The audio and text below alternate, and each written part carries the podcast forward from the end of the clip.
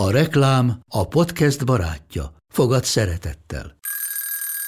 Indítsd jól a napod egy csészen Nescaféval. Élvezd minden reggel a gondosan pörkölt kávészemek telt ízvilágát, az Európában 100%-ban felelős forrásból származó kávéból készült Nescafé klasszikkal. Tudj meg többet fenntarthatósági törekvéseinkről a nescafé.hu oldalon. Nescafé. Új lehetőség minden csészében. Ez reklám volt, jó volt. Beaton Studio. Ez a Felforgatók, a Bátrak podcastje Kadarkai Endrével. A műsort a Volvo Autó Hungária támogatta. Az igazán sikeres emberek letérnek a kitaposott ösvényről, saját utat választanak, és ha el is buknak néha, még nagyobb lendülettel kezdik újra. Ők azok, akik átírják a játékszabályokat, új utat keresnek, és elérik, amit szeretnének. A Felforgatók Podcast olyan magyarok történetét meséli el, akik mertek szembe menni az árral. Közép-európai lány, aki amerikai hozzáállással dolgozik, aki a TV2-nél nem elégedett meg az irigyelt fizetéssel. Ő bizony ajtókat csapdosott, ha nem kapta meg, amit akart. Dédelgetett álmáton ő kommentet hat évig jegelte, mert nem volt hajlandó eleget tenni a nagy tévék elvárásainak. Egy dolgot engedett el, a gyerekvállalást, hiszen papírja van arról, hogy nem lehet gyereke. De még ez is összejött neki. Ismerjék meg a sztárgyárost, akinek a csapatához tartozik többek között Liptai Klaudia, Hajós András vagy éppen Ábel Anita. Azonnal folytatjuk, előtte bemutatkoznak a műsor szponzorai, és jön Kendehoffer Krisztina. A felforgatók azok az újítók, akik nem kötnek kompromisszumokat. Mi a Volvónál hiszünk abban, hogy a környezettudatosság és az élményekkel teli autózás megfér egymás mellett. Mostantól minden modellünk a legfejlettebb plug-in hibrid hajtással is rendelhető. Ultra alacsony károsanyag kibocsátás és kiváló menetdinamika egyszerre. Maradjon lendületben és közben óvja a jövőt. Volvo plug-in hibrid modellek. Mindig feltöltve.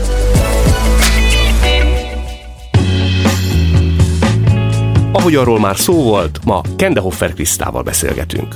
Egy 2017-es interjúban azt mondtad, hogy sztármenedzserként és ilyen személyes márkaépítőként te nagyon szeretsz saját magadra hivatkozni. Most láttam az e-mailed, hogy az hogy néz ki, ott tíz különböző titulust sorolsz fel a neved alatt. Ennek ekkora márkaépítő jelentősége van, hogy ezt oda kell írni? Hát, ha észrevetted, akkor nyilvánvalóan így van.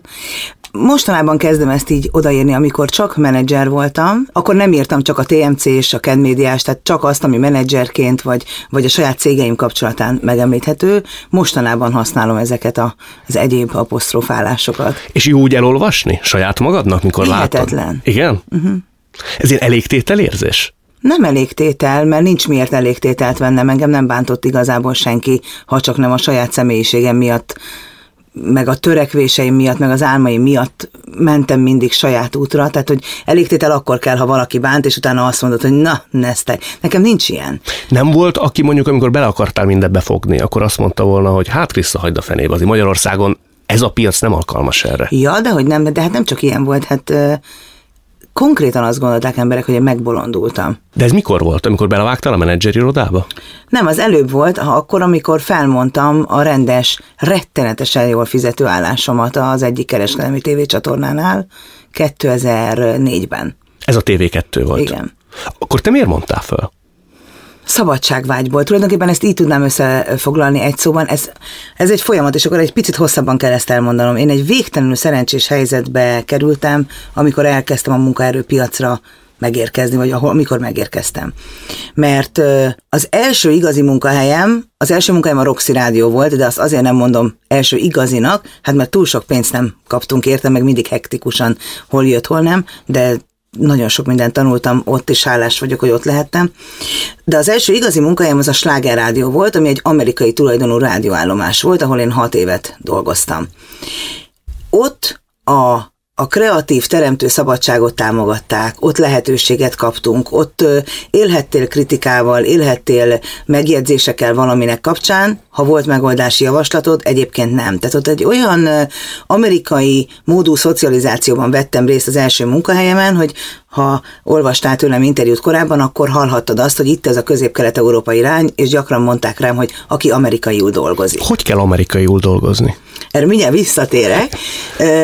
Na, és akkor ebből jött a TV2, ami egy nagyon más környezet, nagyon más szocializáció, nem jobb vagy rosszabb, nagyon hazai volt. Mindig csak a biztosra, fogjuk az asztalt, ne kezdjünk újat, mm-hmm. és nekem ez nem ment. Szóval én állandóan az árral szemben úsztam, és aztán már nagyon rosszul is éreztem magam, és jött egy pont, amikor azt éreztem, hogy ez biztos, hogy nem fog nekem menni. Persze jött önbizalom is egy új állás lehetőségtől, amit aztán később nem vállaltam el, de hogy, de hogy nagyon sokan mondták, hogy ez abnormális, hát sokat keresek, jó pozíció, mindenki, vagy az RTL klubnál, vagy a TV2-nél akart ebben a pozícióban lenni, aki a, a média területén kommunikációval foglalkozott. Te akkor mibe, mibe bíztál? Magadba, a tehetségedbe, a piacba, a lehetőségekbe? Nagyon más világ volt egyébként, mint most, és én is 20 éves voltam, nem 40. Én abban bíztam, hogy egyedül képes vagyok végrehajtani és létrehozni jó és hasznos és hatékony dolgokat, anélkül, hogy emberek segít kéne nyalnom cserébe. Nagyjából, hát most ezt szépíthetném, de hát erről van szó. Nem volt ez ennyire mély ugrás, tehát hogy ezért ez nagyon romantikusan hangzik, de mégsem volt ennyire mély vízbe való ugrás, mert amikor elhatároztam, hogy én onnan eljövök, egyébként azt hiszem, hogy hamarosan ki is rúgtak volna, mert annyira nem működött. Az igaz, hogy a diplomáciai készség hiánya, te ezt nevezed általában, mint hogy belőle biztos, hogy hiányzik ez, mármint a diplomáciai készség. Abszolút hiányzik, nagyon figyelek rá, és nagyon igyekszem mostanában már kicsit diplomata lenni bizonyos helyzetekben, de nagyon nehezemre esik. Akkor milyen esetek fordultak elő ennek hiányában? Hát például, hogy ajtókat csapdostam, mert egy műsornak nem olyan kommunikációs budgetet kaptam, amit én gondoltam, miközben a gyártócég megvette a 26. kameráját, amire semmi szükség nem volt. De alapvetően én mindig törekedtem arra, hogy amit mondok legyen a lényeg, annak legyen eleje, vége, legyen oka, tehát nem csak azért, mert Hoffer Krista kitalálta, hanem azért szeretném ezt csinálni, mert az ezt fogja okozni, és ha ez, ez megtörténik, akkor az ilyen hatással lesz arra, amiért egyébként felvettetek. Na ugorjunk egy nagyot az időbe, menjünk végig akkor Ugorjunk. lépcsőzetesen. Ugye jól vagyok informálva, hogy nálatok két jegy volt elfogadható, az ötös és az egyes. Igen. A négyessel mi volt a baj? Középszerű. Középszerű. És erre azt mondták, ha négyest hoztál, hogy az, az alangyos? Tehát az ilyenből azt rengeteg apám, van? apám, aki egy matematika, matematikus ember, és hát óriás szerelem van köztünk, tehát hogy egyébként a szigor meg a következetesség az nem öli ki a szeretetet, mert ezt csak azért tartom fontosnak elmondani, mert sokan megkérdezik, hogy a rossz gyerekkorod, nem, nekem teljesen jó gyerekkorom volt, csak hát következetes szigorban, tehát egyest hozhattam, mert mindenkinek lehet rossz napja, és csak az hibázik, aki dolgozik. Ötöst azért kellett hozni, vagy azért gondolták, hogy ez az elvárás, mert a szüleim úgy ítélték meg, hogy az értelmi képességeim, hát hogy is mondjam, jók. És mindig azt magyarázta az apukám, hogy ha hülye lennél, fiam, nem ezt várnám el tőled, de nem vagy hülye. Tehát, hogy négyes az micsoda? Még egyszer elolvastad volna, még öt percet ráfordítasz, és ötös. A négyes, a hármas, a kettes között neki nem volt különbség, az középszerűség. Menet közben nem haragudtál ezért rájuk? De végtelenül, ne. Lázadoztál is? Nagyon, igen. igen. Biztos visszakapom egyébként, de ugye nekem van egy saját és egy kapott ö, fiam, ö, pótfiam, akinek van anyukája, és jóban van vele, tehát hogy ez nem ilyen helyzet, de hogy őnek ilyen két laki élete van, és ö, hát azért visszakapom a sorstól azt a sok lázadást, amit én elkövettem, de hát ez az életrendje. Ez már mint ez a poroszos gyerekkor, és amiről most beszélünk, a mind, mindezeknek az eredője, az járt egyfajta nem tudok veszíteni alapállással is? Igen, de most se tudok. Tehát, nem hogy Nem, nem tudok. Társasozunk a gyerekemmel, ő se tud, hát az parád és jeleneteket okozok. de mi, akkor mi történik? Összevesztek? Hát nem, mert azért a felnőtt agyam tudja, hogy nekem engednem kéne mégiscsak, de hogy belül Ma se belehalok. Nem tudok. De szerintem ez pont, szerintem aki tud veszíteni, feldolgozni már tudom, tehát nem toporzékolok, mint mondjuk kislánykorom vagy, és mindent kipróbáltam, hogy az miért nem úgy van, tehát feldolgozni megtanultam, elfogadni soha nem fogom megtanulni, és szerintem ez nagyon kell ahhoz, hogy mindig föl tudj állni a kudarcból, hogy nem fogadod el, hogy veszítettél. Addig mész, amíg nem nyersz. Te meddig mész? Amíg nem nyerek. De az mit jelent? Tehát mi a határ? Mi volt a legtöbb tárgyalási forduló? Mi volt az a lépés, amikor már mondjuk a külső szem azt mondta volna, hogy Kriszta, lehet, hogy ezt fel kéne adni? Azt hiszem a nő komment. Az hat évig volt dobozban. Én hat évig molyoltam azon, hogy ebből legyen valami. Hat év az nagyon sok idő. Nagyon sok. Te tárgyaltál tévékkel. Igen. Ott miért mondtad azt, hogy mégsem? Nekem erről volt egy vízióm, hogy én egy milyen női talkshow szeretnék csinálni. A TV2-vel egyébként tárgyaltam, aki nagyon nyitott volt, nem most, három vezetéssel ezelőtt, vagy négy, tehát mondom nagyon régen, hogy csináljon ebből egy napit. Na most Amerikában ezek valóban napi sók, és 20 évig mennek, de én azt gondolom, hogy Magyarországon a napi só nem tud megélni egy pár, biztos valami rácáfol erre, de azért egy pár évadot. És és én ezt semmiképp nem akartam napiba menni, mert nem öngyilkos műsort akarok csinálni, hanem hosszú távra tervezem. Plusz elindultak azok a televíziók szempontjából tökéletesen érthető, és ez nagyon fontos, hogy én egyébként bele tudom képzelni magam mások helyzetébe, és szerintem a, jó üzleti kapcsolatai mindig annak köszönhetők, hogy a tárgyalásain elmondom, meg a közepén is emlékeztetem rá a feleket, hogy én tökre értem, amit ők csinálnak, ez nem személyes, én nem haragszom. Én egyetlen egy dolgot kérek, hogy ők is értsék meg, hogy én is a saját érdekeimért, az ügyfeleim érdekeért, a cégek érdekeért küzdöm. Visszatérve erre, elindult ez a teljesen érthető szempontrendszer, hogy kit hívjunk meg a műsorba, kit ültethetünk be a műsorba, kit kötelező beülni, mert éppen egy valóságsóban szerepel, mik azok uh-huh. a témák, témák, amiket érintsünk, mik azokat, amit nem, és én nem kiszolgáló személyzet akartam lenni, mert annyit senki nem akart egyébként fizetni, hogy ezt azt mondod, hogy üsse kavicsbe nyelem, hanem én egy álmot akartam megvalósítani, ami az én fejemben, és ez lehet, hogy sokaknak nem tetszik, de az én fejemben egy ideális, a legideálisabb női talkshow. Ha becsuktam a szemem, akkor tudtam, hogy kik a műsorvezetők, láttam egy díszletet magam előtt, tehát hogy ez egy ilyen kész projekt volt a fejemben. És gyakorlatilag az derült ki, hogy én ezzel kapcsolatban nem tudok kompromisszumot kötni, így egyik televíziónak se kellettem, meg kellett a műsor egy ideig. De attól nem féltél például, hogy lenyúlják ezt az ötletet? A nevét nagyon féltettem, amit egyébként majdnem lenyúltak, és ezért lett szimpati. Tehát, hogy a világ leghálásabb embere kell, hogy legyek, annak a valakinek, aki ezt az egészet le akarta nyúlni, mert hát biztos nem tud róla, és hát biztos nem is örül neki, de végül is neki köszönhetjük a sikerét, mert e, ő ült egy televízióban, és azt mondta, hogy én egy annyira fafejű nő vagyok, nem ilyen szépen mondta, hogy most már elég belőlem, lesz egy Nőkomment nevű tévéműsor, aztán csinálják, amit akarok. Magyarországon nagyon nehéz levédeni neveket, meg formátumokat. És hát amikor ezt megtudtam, mert valaki kedvesen figyelmeztetett, akkor én ör, tehát a sírás, a, nem tud elképzelni ilyenkor, tehát hogy csapdosom az asztalt, mérges vagyok. Tehát, tehát tényleg a leg, legklasszikusabb dél-olasz filmeket meg tudom ilyenkor úgy irigyelni. Vagyis, hogy ők engem, akkor lehiggadok, akkor kitisztul a kép, hogy hogy mentsem meg. És akkor jutott az eszembe, hogy én aznap meghirdetek ezen a címen egy női talkshow mert egy létező női talkshow nevét már csak nem akarja senki elvenni, és így lett a momkultos első előadás meghirdetve. Úgyhogy azt se tudtam kiül aznap majd a színpadon, és hogy miről fog beszélni, csak tudtam, hogy meg kell egy Facebook eseményben hirdetnem, hogy nő komment színpadi talkshow. Hát azért azt látom, hogy a kockázatoktól sem ijedsz meg, mert azért ennek volt kockázata. Hát ennek mi kockázata van? Maximum lemondod érdeklődés hiányába, vagy nem tudom. Tehát, hogy persze van, ezek nem igazi kockázatok. Nem? Szerint, ne, én nem élem úgy meg őket. Eleve azt gondolom, hogy kockázat nélkül nem érsz el semmit, mert ha nem lépsz ki a komfortzónádból, akkor nem találkozol a lehetőséggel, akkor nem, tényleg akkor, akkor nagyon jól el vagy, olyan se erre, se arra, egy biztonsági játékot játszva, de, de nem történik se rossz, se jó a jó történésnek alapfeltétele a rossz történés is, de hát szerintem megéri bevállalni ezt a rizikót. Hát olyannyira megéri bevállalni, hogy neked az egész sztármenedzserkedés, ugye úgy jött végigmentünk itt a stációkon, Roxy, Sláger Rádió TV2, hogy te kvázi tanácsadóként dolgoztál, amikor egyszer csak felhívott téged Gianni, és azt mondta, hogy hát ha már ugye egymagadnak csinálsz ilyen dolgokat, miért nem segítesz nekem? Ez például így utólag visszagondolva abszolút a véletlen, játéka, tehát ha nem hív akkor téged Gianni, lehet, hogy tíz év múlva se jut eszedbe egy hasonló foglalkozás? Tíz év múlva biztos, hogy eszembe jut, mert én ezzel azért már barátkoztam. Tudnélik, amikor eljöttem a TV2-től, akkor engem a Sláger hívott vissza hozzájuk. És én azt mondtam, hogy én nem akarok pozíciót, én nem akarok semmit, én csak dolgozni szeretnék. Mi lenne, ha én csinálnék egy kis ügynökséget, és mindazt a területet, amit vezérigazgató helyettesként rám akarnak bízni, jelesül promóció, marketing, kommunikáció, tehát minden, ami ebben a tárgykörben értelmezhető, azt én kívülről megcsinálom outsource verzióban.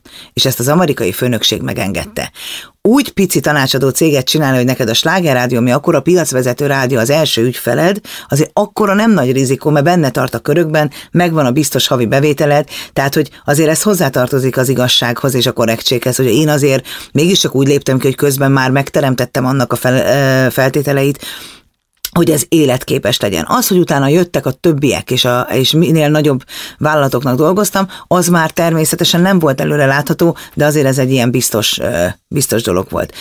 A Gianni pedig ugye az összes képernyős hozzám tartozott akkor korábban a televíziónál, nagyon-nagyon jól tudtunk együtt dolgozni, én mindig úgy fogtam őket föl, talán ez volt bennem a különleges gondolat, hogy a magánkapcsolatunkban nagyon tyúkanyó voltam, nagyon emocionális, és nagyon-nagyon bízhattak bennem, és kisírhatták magukat a vállamon, és mentem értük a csatába, ha arról volt szó a sajtó felé, de mégiscsak úgy képzeltem el őket, és úgy kezeltem őket, mint egy-egy termék. És igen, akkor a Gianni fölhívott, és utána viszont futótűzként terjedt a híre a hírességek között, hogy a Hofer Krista ezt akarja csinálni. Magyarországon is utána már nagyon-nagyon jöttek, és ez egy erőt adott nekünk, mert hát egyébként az elején a tárgyalásokra nem engedtek be a cégek, mert hogy mit keresek ott. Azt mondták, hogy nem volt se ügyvéd, se pap. Ezt ugye? én szoktam mondani viccesen, hogy mit keres itt ez a nő, se nem ügyvéd, se nem pap, minek van itt. Nem, nem értették, és azt viszont tudták, hogyha ott vagyok, ők csak rosszul járhatnak, mert rövid távon gondolkodtak akkor még. Mert lehet, hogy 3 forint 20 fillérrel többe került egy-egy tiszteleti díj, vagy egy-egy, egy-egy gázsi, de sokkal egyszerűbb volt a közös munkavégzés. A hírességnek akivel ők akartak dolgozni, tényleg csak a saját területére kellett koncentrálni. Nyilván ezáltal sokkal jobbat hozott ki önmagából, az jobb volt a színháznak, az előadásnak, a csatornának, tehát hosszú távon nem baj, ha vagyok, de ezt akkor ők még rövid távon csak azt látták, hogy többe kerül. Ugye ennek az istálónak, ha nevezhetjük így, talán az egyik korona ékszere Liptai Klaudia, aki azért egy óriási sztár Magyarországon. Hallgassuk meg, hogy ő hogy emlékszik vissza a ti találkozásotokra olyan pontra jutottam, hogy azt mondtam, hogy tehát valami biztos lehet tenni. Hát azon kívül, hogy nem veszem meg azt a lapot, vagy így csinálok, tehát csak van valami más megoldás.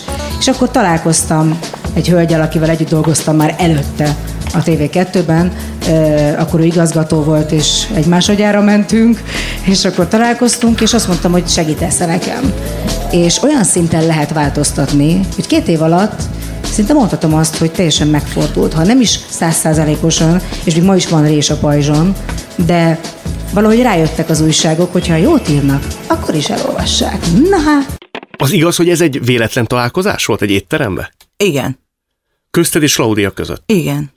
És akkor így egymásra néztetek, és azt mondta Claudia, hogy te vagy az én emberem, vagy ez hogy néz? Majd, hogy nem így történt, ráadásul nem is váltunk el jó viszonyban évekkel azelőtt, mert hát ő is említi, hát a TV2-ben, ahol ugye ő hozzám tartozott bizonyos szempontból, hát mondjuk voltak csatáink. Ez hogy, hogy kell ezt elképzelni? Hát ő hasonló temperamentummal él, mint én. Indult egy új műsora, ő azt gondolta, hogy ilyen-olyan kampány és támogatás kéne neki, konstatálta, hogy az nem annyi óriás plakát, és nem kap olyan sok támogatást, mint egy másik műsor, ezt mondjuk egy szemében nekem tulajdonította, és ennek igen, nagy temperamentummal adott hangot, és még ajtócsapkodás is volt. Hát ezt nyilván én nagyon zokon vettem, tehát hogy ma már egyébként azt gondolom, hogy nem is úgy reagálnék, ahogy 20 évesen, tehát pont ez a lényege a, az érési folyamatunknak, hogy tanulunk a hibáinkból, és, és megpróbáljuk kijavítani ezeket.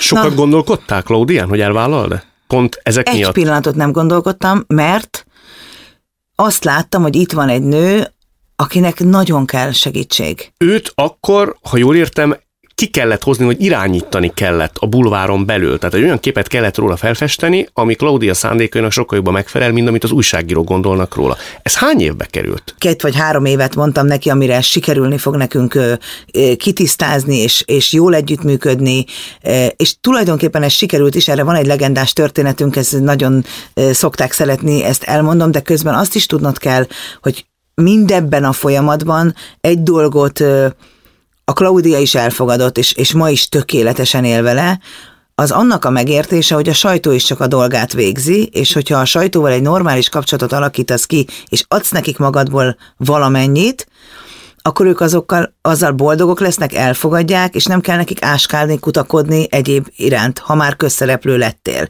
Mert mondjuk anyukámról senki nem akar újságcikket írni. Tehát, hogy ez egyben muszáj ezt elfogadni. És a legendás történetünk az, hogy ez november, két és fél év múlva nyáron, Claudia a pankával elültetett csomó szép virágot a kertjükben, de másnap feltúrták a vakondok, és ezt megírta az egyik bulvár napilap, hogy Szegény Claudia, hogy járt? Azelőtt a démon, a nem tudom mi, a minden volt. Szegény Claudia, hát tényleg hogy járt? Hát kislányával kertészkedett, és ezek az átkozott vakondok feltúrták a kertet, és felhívott a Claudia, és azt mondta, hogy tudod, te vagy az egyetlen, aki egy igazi botrányhős nőből, és egy kétes e, hírű nőből tudsz egy kertészkedő úrilányt csinálni. és ez egy ilyen legendás történetünk. Azért merem ezt szóba hozni konkrétan nevek mentén, vagy nevek által, mert erről nyilatkozott Ábel Anita. Amikor a vállások elős közepén volt, vagy tulajdonképpen az előző nap döntötték el a férjével, hogy ők szétköltöznek, aznap került sor az első nő komment felvételére. Az ő elmondása szerint ő ott kiborult. Neked köszönheti azt, mondja ő, hogy egyáltalán ki tudott menni a kamerák elé, megnéztem, és emlékszem arra az adásra, a külső szem a jelét nem látta ne. annak, hogy itt magánéleti viharok dúltak. Természetesen nem bájkálni szeretnék az ő magánéletébe, de mit tud ilyenkor tenni egy producer másfél órán keresztül? Nőként is, barátnőként is, főnökként is, mert irgalmatlan nehéz helyzet, azzal együtt, hogy belelát az ember abba, hogy mi megy keresztül. Azt hiszem, ha csak producer lennék, és az a kapitalista producer lennék, aki azt mondaná, hogy na, az Excel tábla bejövő oldala, kijövő, kerestünk pénzt, nem, itt a produkció, semmim nem lenne ennyire sikeres, mert pont az segít, hogy belelátok, és nem gondolom azt, hogy ez valami sztárhiszti, hanem látom, hogy tényleg mindjárt belehal. Ö, két dolog segít. Egyrésztről mindegyik ügyfelemnek pontosan ismerem a lelkivilágát és azt a retorikát, hogy mikor éppen mire van szükség. Ezt ők maguk sem titkolják, tehát van, amikor felhívnak, hogy kell néhány anyaszó, mert most ki kell hoznod anyaszó, a szarból. így mondják? Igen, mert ki kell hoznod a szarból, mert most rosszul vagyok, mondjad öt percig. Uh, tulajdonképpen ez indította el ezt a motivációs dolgot is, hogy már nem csak nekik mondom, hanem másoknak is. Valahogy a teremtő adott nekem valami képességet arra, hogy hogyha komolyan a szemedbe nézek és beszélgetek veled, soha nem mondok olyat, amit nem gondolok komolyan, de valamilyen energiát nem tudom hogyan, és hitet képes vagyok átadni. Claudia mindig azt mondja, hogy én vagyok az ő hite. Az, hogy ő hisz magában, az attól van, hogy én hiszek benne. Biztos, hogy van ennek része. Szóval Anitával leültünk, félrevonultunk, én egyáltalán nem voltam biztos, hogy azt a műsort aznap föl tudjuk venni. Ő tényleg, hát gondold el, tehát, hogy milyen állapotban Pokoli, van. persze. És elkezdtem arra terelni ezt a beszélgetést, hogy egy, egy álma ma valósul meg. Tehát ő is abban álmodott, és arról álmodunk együtt évek óta, hogy ebből televízió műsor lesz.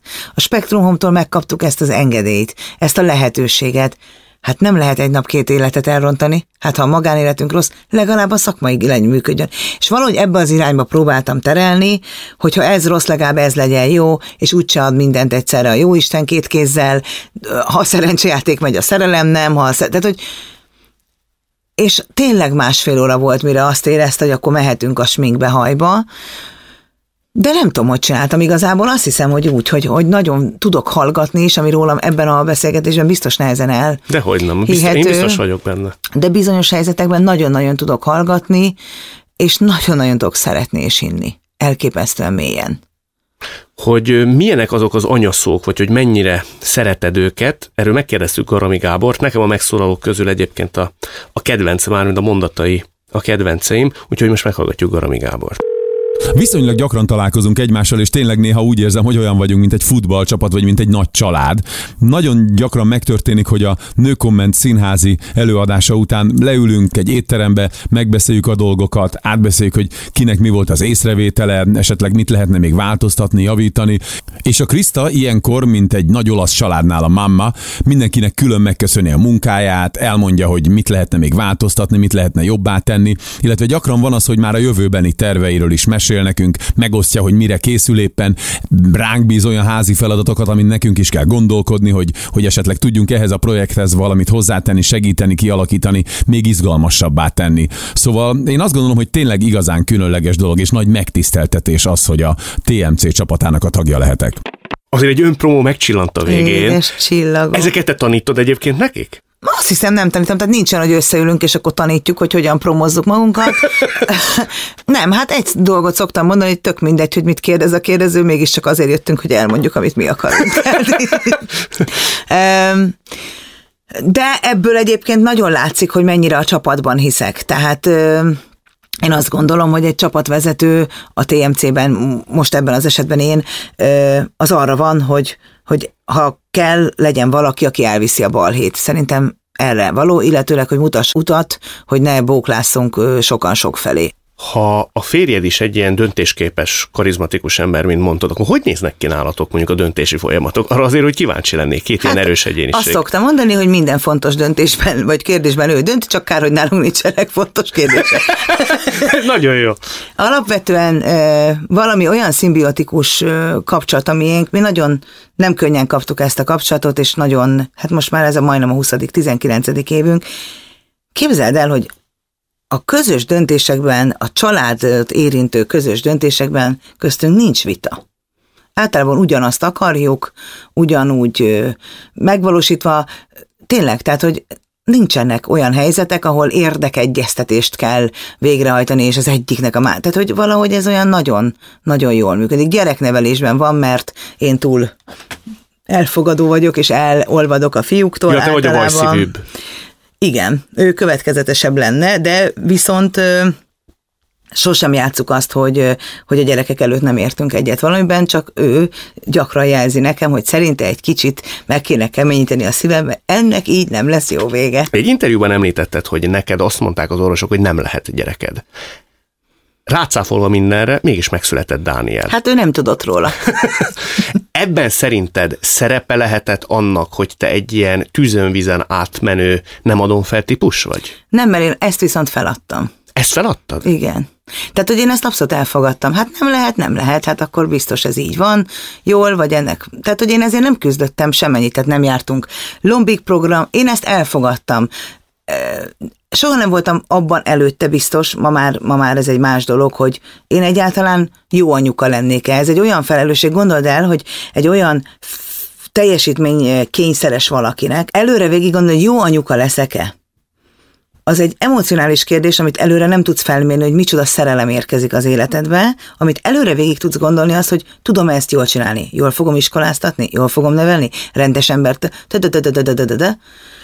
és hát ez egy örök kérdőjel az ember életében. A lényeg az, hogy én ezt elengedtem, én elfogadtam, hogy akkor én az a nő vagyok a földön, akinek nem lesz gyereke, végül is a férjemnek már van egy, úgyhogy ő ettől miattam nem veszít ebből a, a, az apa szerepből.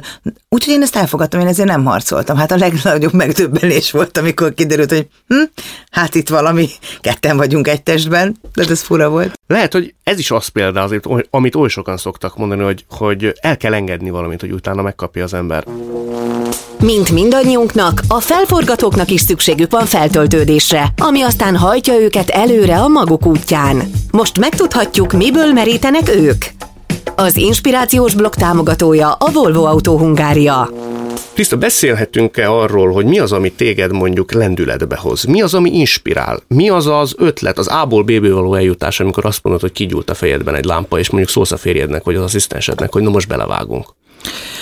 Ö, vannak ilyenek, és azt nem kell, tehát, hogy aki sikeres, meg aki úgy tűnik, mint én, hogy mindig, mindig jó kedve van, és mindig akar, hogy nem, nekem is vannak pokoli napjaim, engem is érnek eh, rossz élmények, nekem is vannak kudarcaim, pont a lényeg, hogy miből táplálkozom. Hát először is a visszajelzésekből, tehát vagy az ügyfeleim, vagy a civil életben, akik eh, engem eh, hallgatnak, mint motivációs előadó, az ő visszajelzéseik mindig észhez térítenek, hogy én nem engedhetek le, mert ez egy felelősség, ők számítanak rám.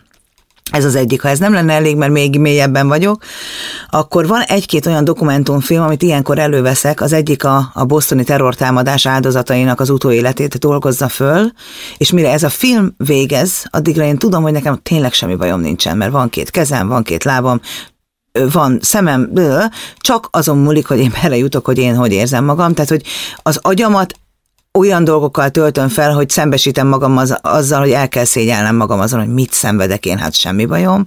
Érzelmileg pedig a családomból töltődöm, és a barátaimból, és ők nagyon-nagyon fontosak a számomra. Tehát, hogy a kisfiamból, a férjemből, a Marciból, aki, aki a nagy fiú a családban, és az a közös, közös programokból nagyon sokat, és egyébként még van egy ilyen dolog, amit családanyaként nem is biztos, hogy olyan nagyon illő elmondani, hogy én azért lehetőséget kapok kis családomtól arra, ami nekem nagyon fontos időről időre, hogy legyek néha egy-két napot tök egyedül.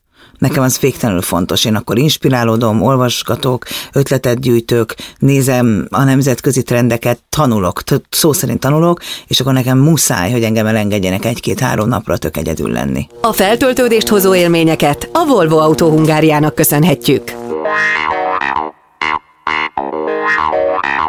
A világot a felforgatók teszik jobb helyé. Konfliktusokat vállalnak, mert hisznek ügyeikben. Nekik köszönhetjük a fejlődést. Magyarországon is vannak felforgatók szép számmal. Jövő héten az üzleti újságírás megújítóját, Galambos Mártont mutatom be nektek. A mai adás szerkesztője Ferkai Marcel, a vágó Dósa Márton, a zenei szerkesztő Szűcs Dániel, a produkciós vezető Pentelényi Kovács Tímea, a kreatív producer Román Balázs, a producer pedig Hampuk Rihárd volt. Én Kadarkai Endre vagyok, legyetek felforgatók ti is!